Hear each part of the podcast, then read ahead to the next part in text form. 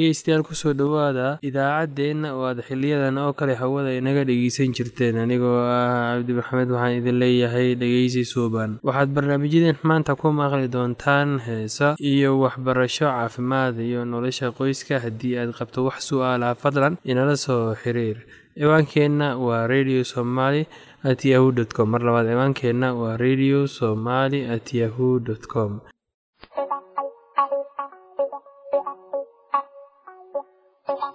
Thank you.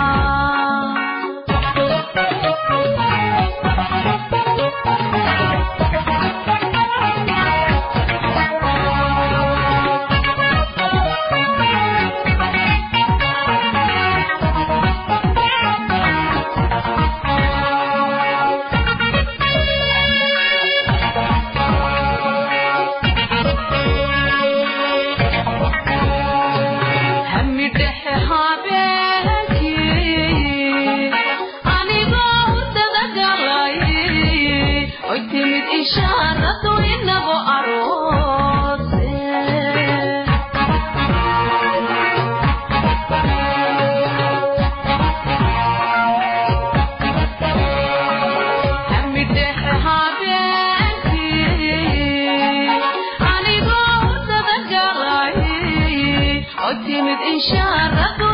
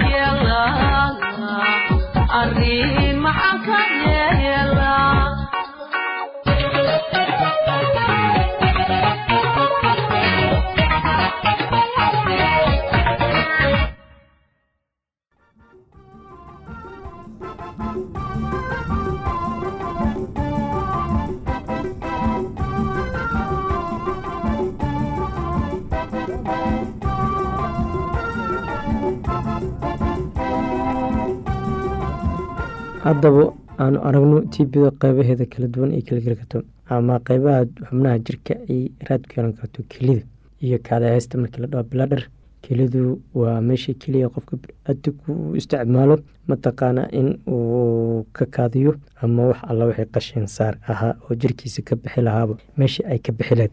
Marka waxaa loo baahan yaha qofka biniaadamku in mar alla markii keliyihiisa uu ku arko in mataqaanaa ay xanuunayaan kaadidu ay gubayso mataqaana keliyihii ay bararayaan. Kaadida ay dhibayso in uu la xiriiro daktarka maxaa yeele cudurkaniti keliyaha iyo qanjarada intaba wax waa yeeli karaya.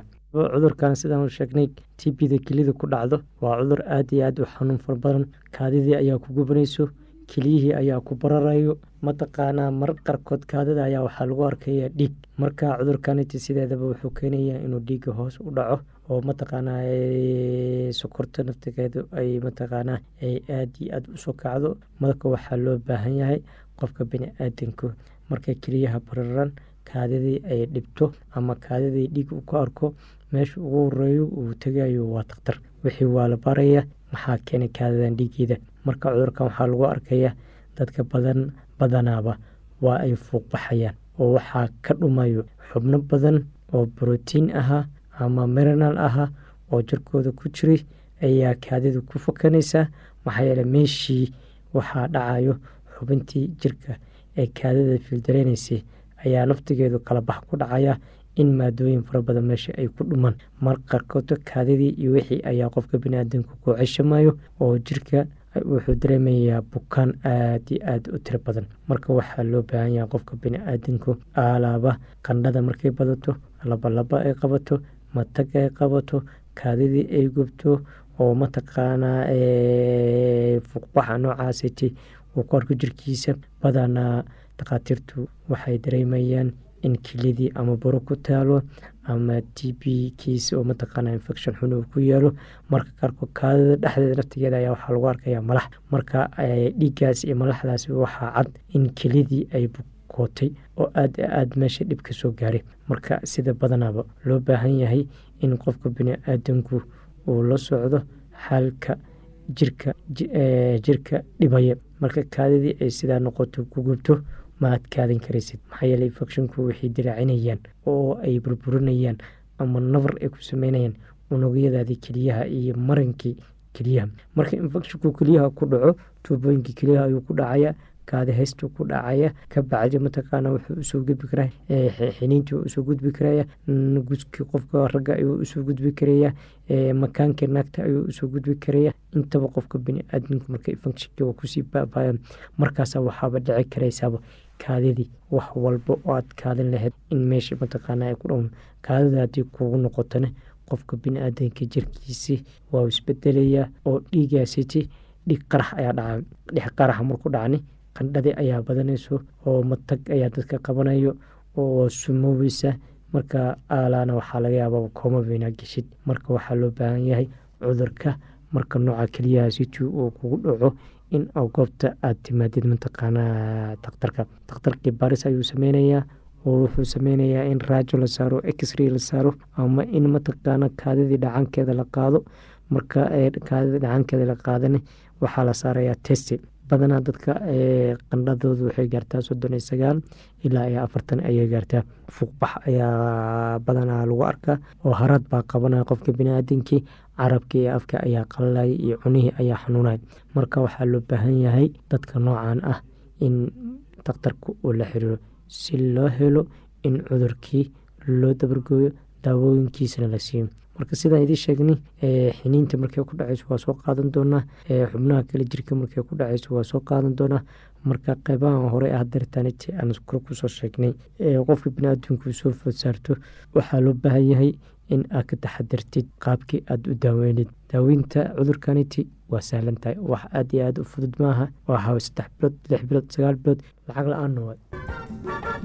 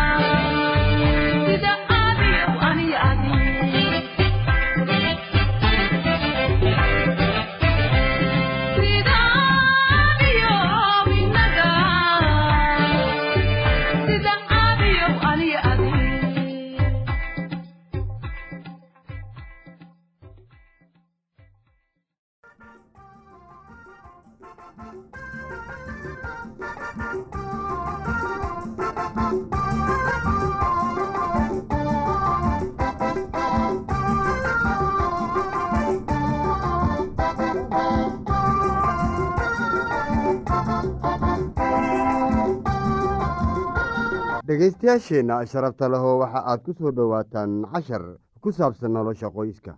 Barnaamijkii hore ee nolosha qoyska waxaynu baranay dabeecadaha ay carruurtu ka dhexlaan waalidkooda. Barnaamijkan waxaynu kaga hadlaynaa wareegga quduska ah ee qoyska. Waxaa jira wareeg qudus ah oo ku wareegsan qoyska qoys weliba oo ah in la ilaaliyo. Qof kale oo xaq u leh wareeggaas isaga ah ma lahaan ninka ninka iyo naagtu waa inay mar waliba is gacan qabtaan. Naagtu waa inaynay lahan wax sir ah oo ay ka qariso ninkeeda. Hase yeeshee ay u sheegayso kuwa kale oo ay ku kalsoon tahay. Sidoo kale ninku waa inuusan lahaan sir u gooni ah oo aysan naagtiisa ka warqabin hase ahaatee uu kuwa kale ku sir qarsanayo qalbiga naagtu waa inuu ahaadaa meesha ninku khaladkiisu ku qarsado qalbiga. Ninkuna sidoo kale waa inuu ahaadaa meesha naagtu khaladkeeda ku qarsato. Waa inuusan mid iyaga ka mid ah soo jeedin kaftan uu kan kale dareenkiisa ku waxyeelaynayo waa inaysan naagtu ama ninku ka calacalin kan ay la nooshahay ama aanay wax ka sheegin ku celcelin ah dabeecaddan doqonnimo iyo kaftan aan micnaha lahayn.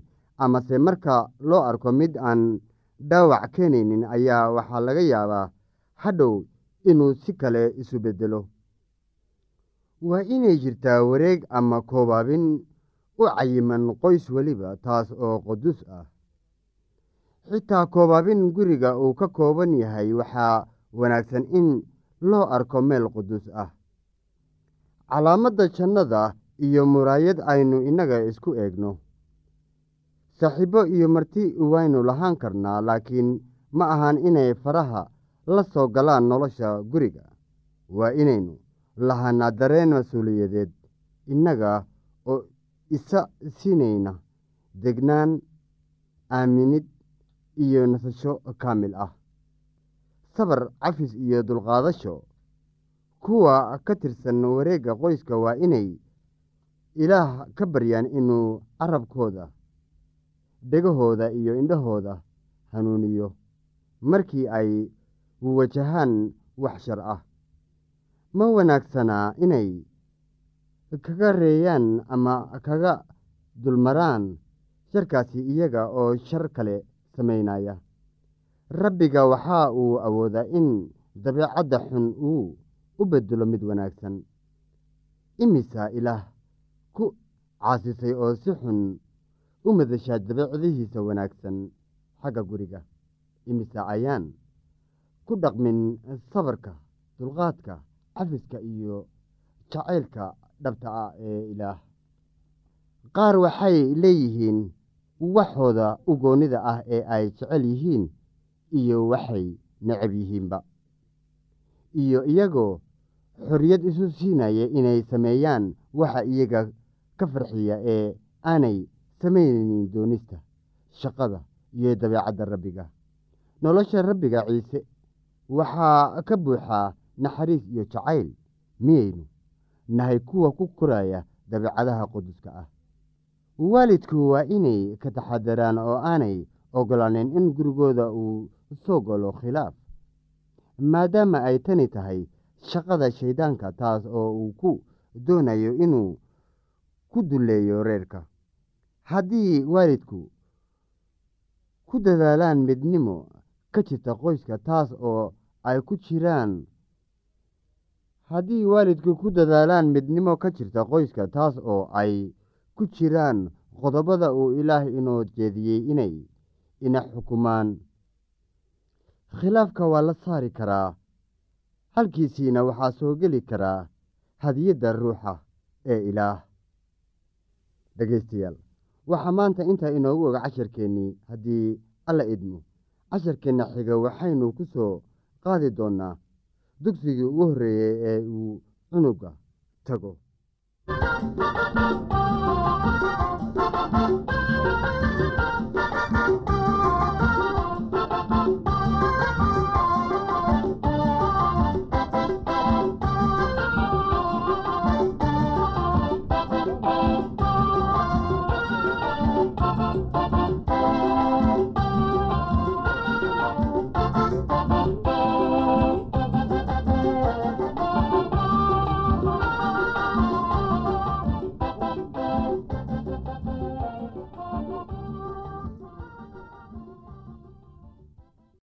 haddii aad qabto wax su'aalaha fadlan inala soo xiriir. Ciwaankeenna waa radio somaly at yahu t com. Mar labaad ciwaankeenna waa radio somaly at yahu dt com. Barnaamijyadeena maanta waa naga intaas